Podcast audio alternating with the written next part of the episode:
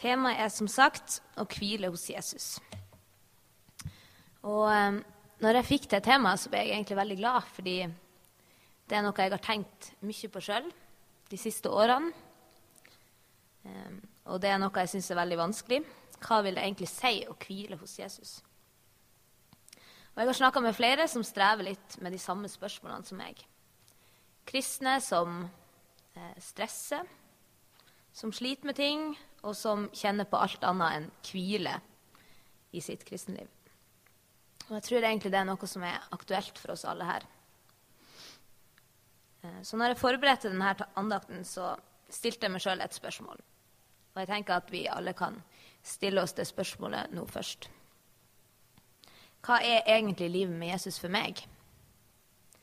Hva er det med mitt liv i hverdagen som gjør en forskjell? Det at jeg er kristen, hvilken forskjell gjør det i min hverdag? Og jeg for min del fant flere svar på det.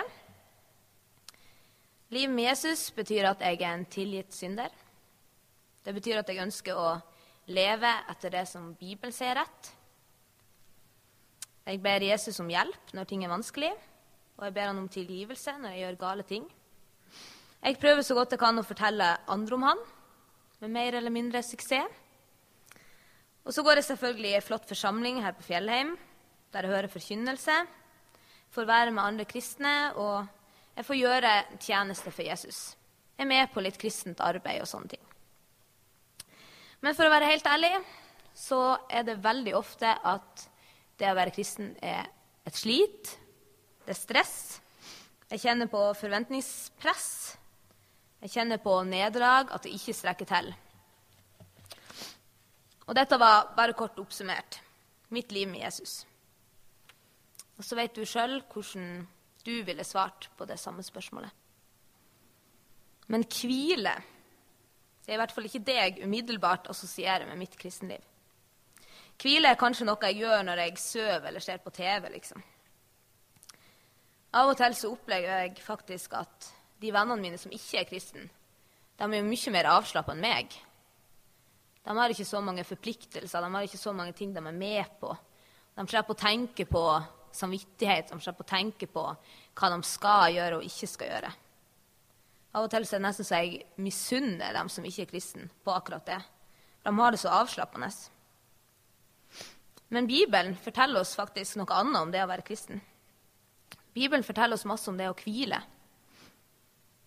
Og Den første teksten vi skal lese i lag om det, det er en ganske kjent tekst i Lukasevangeliet kapittel 10, fra vers 38. Der er Jesus på besøk hos to søstre.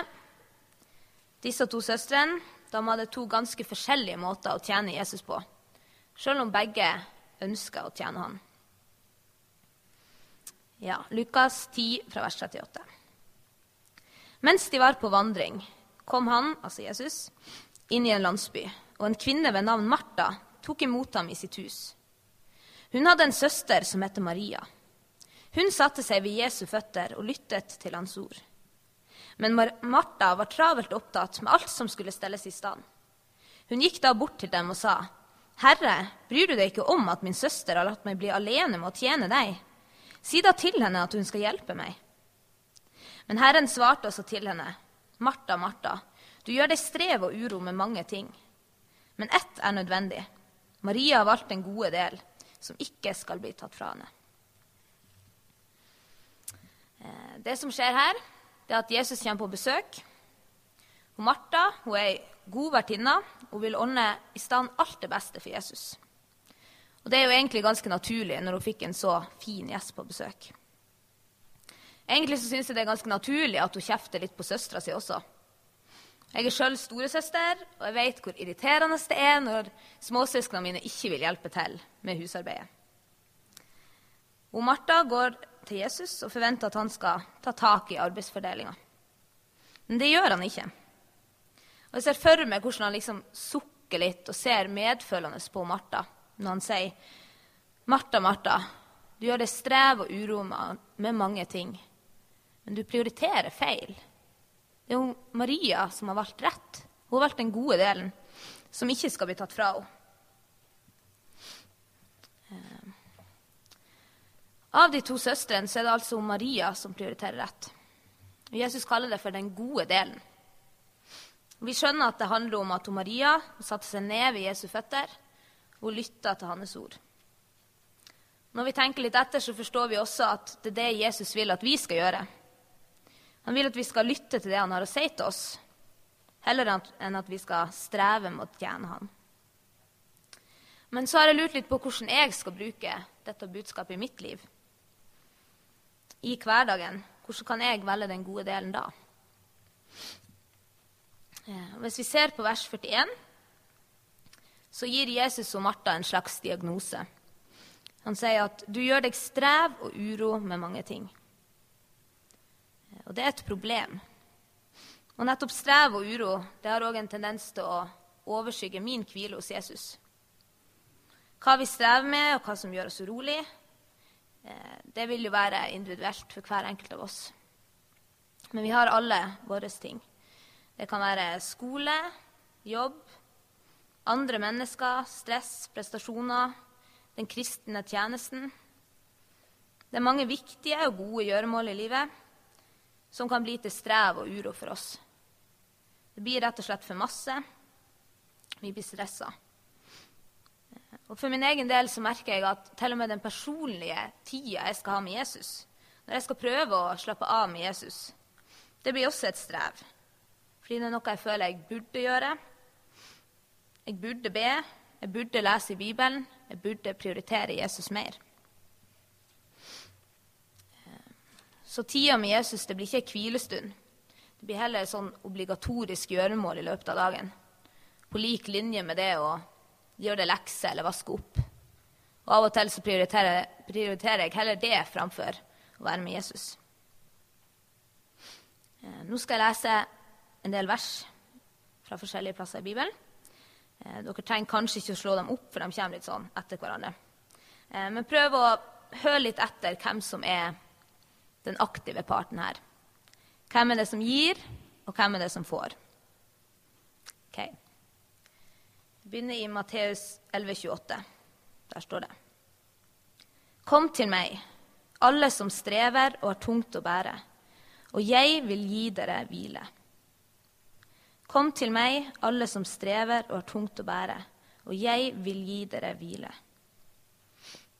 Og så fra Jeremia 31, vers 25. For jeg vil styrke den trette sjel, og hver sjel som sulter, vil jeg mette. For jeg vil styrke den trette sjel, og hver den som sulter, vil jeg mette. Så Salme 23 en salme av David. Herren er min hyrde, det mangler meg ingenting. Han lar meg ligge i grønne enger, han leder meg til hvilens vann. Han styrker min sjel, han fører meg på rettferdighetsstier for sitt navns skyld. Om jeg enn skulle vandre i dødsskyggens dal, frykter jeg ikke for ondt, for du er med meg, din kjepp og din stav, de trøster meg. Du dekker bord for meg like for mine fienders øyne. Du salver mitt hode med olje, mitt beger flyter over. Bare godhet og miskunnhet skal etterjage meg alle mitt livs dager, og jeg skal bo i Herrens hus gjennom lange tider. Så andre Mosebok 14, 14. Herren skal stride for dere, og dere skal være stille. Herren skal stride for dere, og dere skal være stille. og Filipperne kapittel 4 vers 13. Alt makter jeg i Han som gjør meg sterk. Alt makter jeg i Han som gjør meg sterk. Det er helt klart at det er Gud som gir. Eh, det er vi som mottar det Han vil gi oss. Vi får rett og slett være som sauer som blir mata, styrka og ledet av Han. Og hvor er det Gud først og fremst vil lede oss. Ja, han vil lede oss til hvile. Til hvilens vann, som det står i Salme 23. Eh, og Gud har så uendelig masse mer han vil gi til deg. Du som er kristen, du har tilgang på tidenes skattkammer hos Gud. Eh, og jeg tror dette er en nøkkel for å klare å hvile hos Jesus. At vi har forventning til at han vil gi oss noe. Ikke bare at vi burde bruke tid med han av plikt, men at vi ønsker å få noe hos Jesus.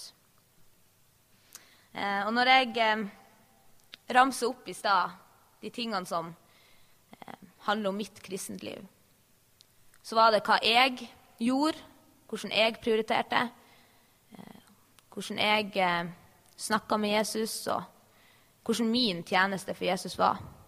Det handla ingenting om hva Jesus gjør for meg, hva Jesus har å gi til meg, og hva jeg får hos Jesus. Eh, så jeg må endre mitt perspektiv på mitt kristenliv.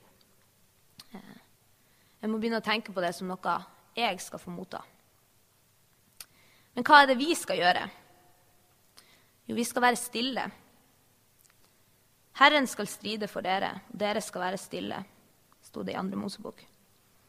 Eh, og det er, ikke det, er det ikke det trua vår handler om. Jesus vant vår kamp på korset. Og vi har ingenting å tilføye for å bli mer kristen enn det vi er, for å bli mer frelst enn det vi er i Jesus. Og likevel så vet vi jo at livet her på jorda det har mange kamper.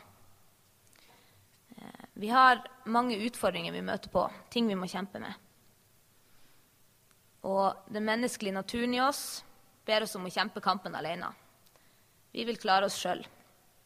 Vi vil bevise for Gud og for medmennesker at vi har noe å bidra med.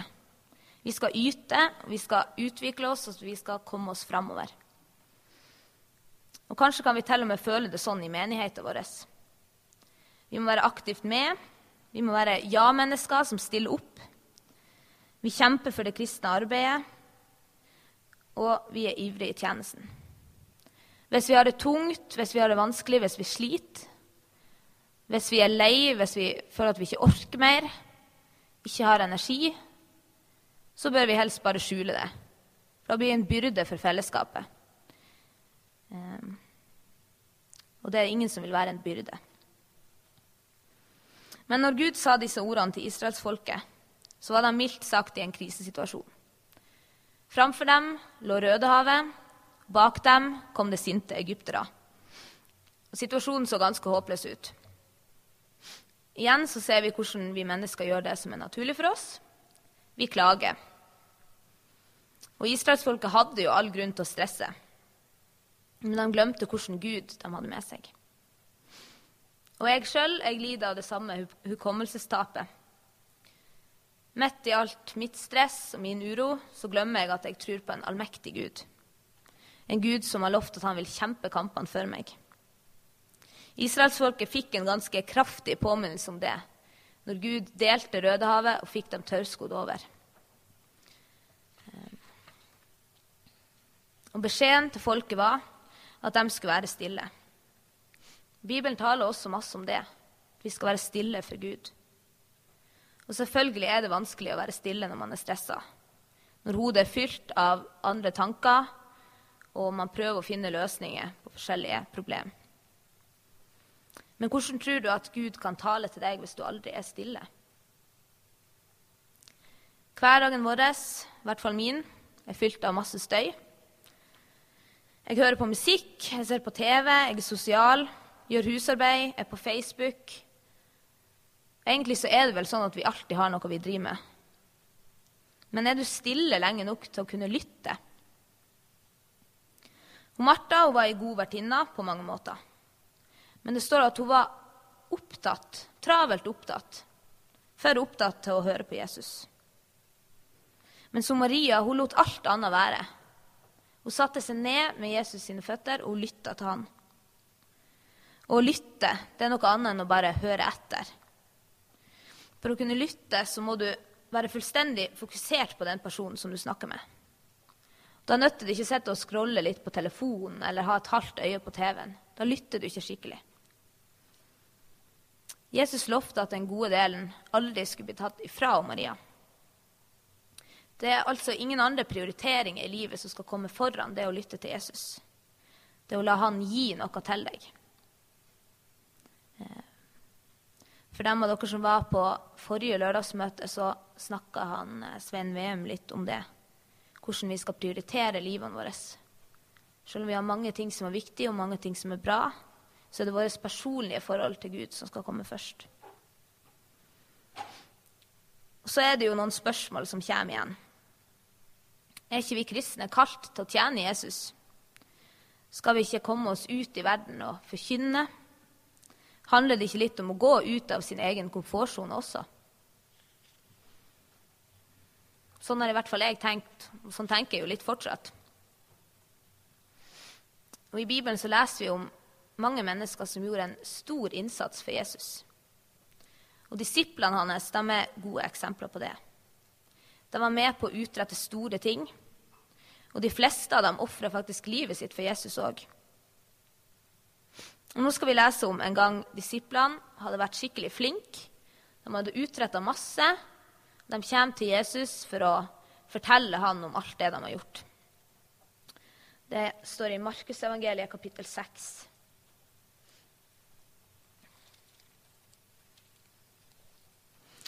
Og vers 30-31. Der står det. Apostlene samlet seg igjen hos Jesus og fortalte ham alt de hadde gjort, og hva de hadde lært folket. Han sier da til dem, Kom med til et øde sted, hvor vi kan være for oss selv, og hvil dere litt. For det var mange som kom og gikk, så de ikke engang fikk tid til å spise. Nok en gang så gir Jesus et overraskende svar. Disiplene forventa nok at han skulle gi dem litt creds for alt det gode de hadde gjort for han, alt det de hadde utretta. Mens Jesus han tenker på deres helse og på deres hvile. Han har mer omsorg for dem enn for det arbeidet som de har gjort. For de hadde vært så ivrige i tjenesten at de hadde til og med glemt å spise. Kanskje kan du kjenne deg litt igjen i det. Tar du deg tid til å spise? Lar du Jesus få sjansen til å gi noe til deg, eller tenker du bare på hva du kan gi til andre? Eh, I Salme 102 vers 5 så sier han David.: Mitt hjerte er som solsvidd og visnet gress, for jeg har glemt å ete mitt brød. For det hjelper ikke hvor masse du gjør hvis du glemmer å spise. Da har du til slutt ingen krefter igjen, og går det for langt, så vil du dø. For å tjene Jesus så må du først og fremst få næring og kraft hos han. Du må ta til deg sjøl først, før du kan gi til andre. Og Det merker jeg for min egen del òg, at hvis jeg har fått brukt tid med Jesus, hvis Jesus virkelig har fått gitt noe til meg, og jeg er blitt fylt opp av han, så blir det en naturlig konsekvens at jeg vil dele det med andre. Da har jeg noe å gi, og da ønsker jeg å gi. Og da tar jeg også Jesus med meg i den tjenesten jeg skal gjøre. Jeg lar han lede meg, eh, og tjenesten gir mer mening òg. Det blir ikke lenger det samme stresset og kavet fordi at jeg gjør det for Jesus. Jeg deler det jeg allerede har fått sjøl. Eh, og da kan jeg si som han Paulus sa i Filippebrevet. Alt makter jeg i Han som gjør meg sterk. Det er Jesus som først gjør meg sterk, og da kan han få virke gjennom meg. Du vet sjøl hvordan ditt liv er. Du vet sjøl hvordan din hverdag er. Men Jesus er klar på hvordan han vil at du skal prioritere. For han ga klar beskjed både til Martha og til disiplene sine. Og jeg tror at han vil si det samme til deg nå. Legg fra deg alt det du strever med. Og om nødvendig, nedprioriter en del av gjøremålene i hverdagen som opptar tida til Jesus. Kom med Jesus til et øde sted, en plass der du og han kan være helt alene og hvil deg litt. Hvil i den ubetinga kjærligheten som Gud har til deg. Hvil i det at det Jesus gjorde på korset, det er nok. Du trenger ikke gjøre noe. Hvil i Hans ord og løfter. Og Les Bibelen fordi du trenger å få noe hos Jesus. Fordi du trenger det sjøl. Og vær stille i lag med Han. For det er bare når du er stille, at du virkelig kan lytte til hva han har å si til deg. Til slutt så vil jeg bare si at det å hvile hos Jesus det handler ikke om å ha et sløvt kristenliv. Du står ikke stille i kristenlivet ditt sjøl om du er i ro. Sjøl om du trenger å ta tid til å ta til deg sjøl uten å gi så mye. Tvert imot så er det å hvile hos Jesus det er helt elementært for et våkent og fruktbart kristent liv. Eh, og så står det i Jesaja kapittel 30 vers 15.: I stillhet og i tillit skal deres styrke være. I stillhet og i tillit skal deres styrke være. Skal vi be litt til slutt. Kjære Jesus.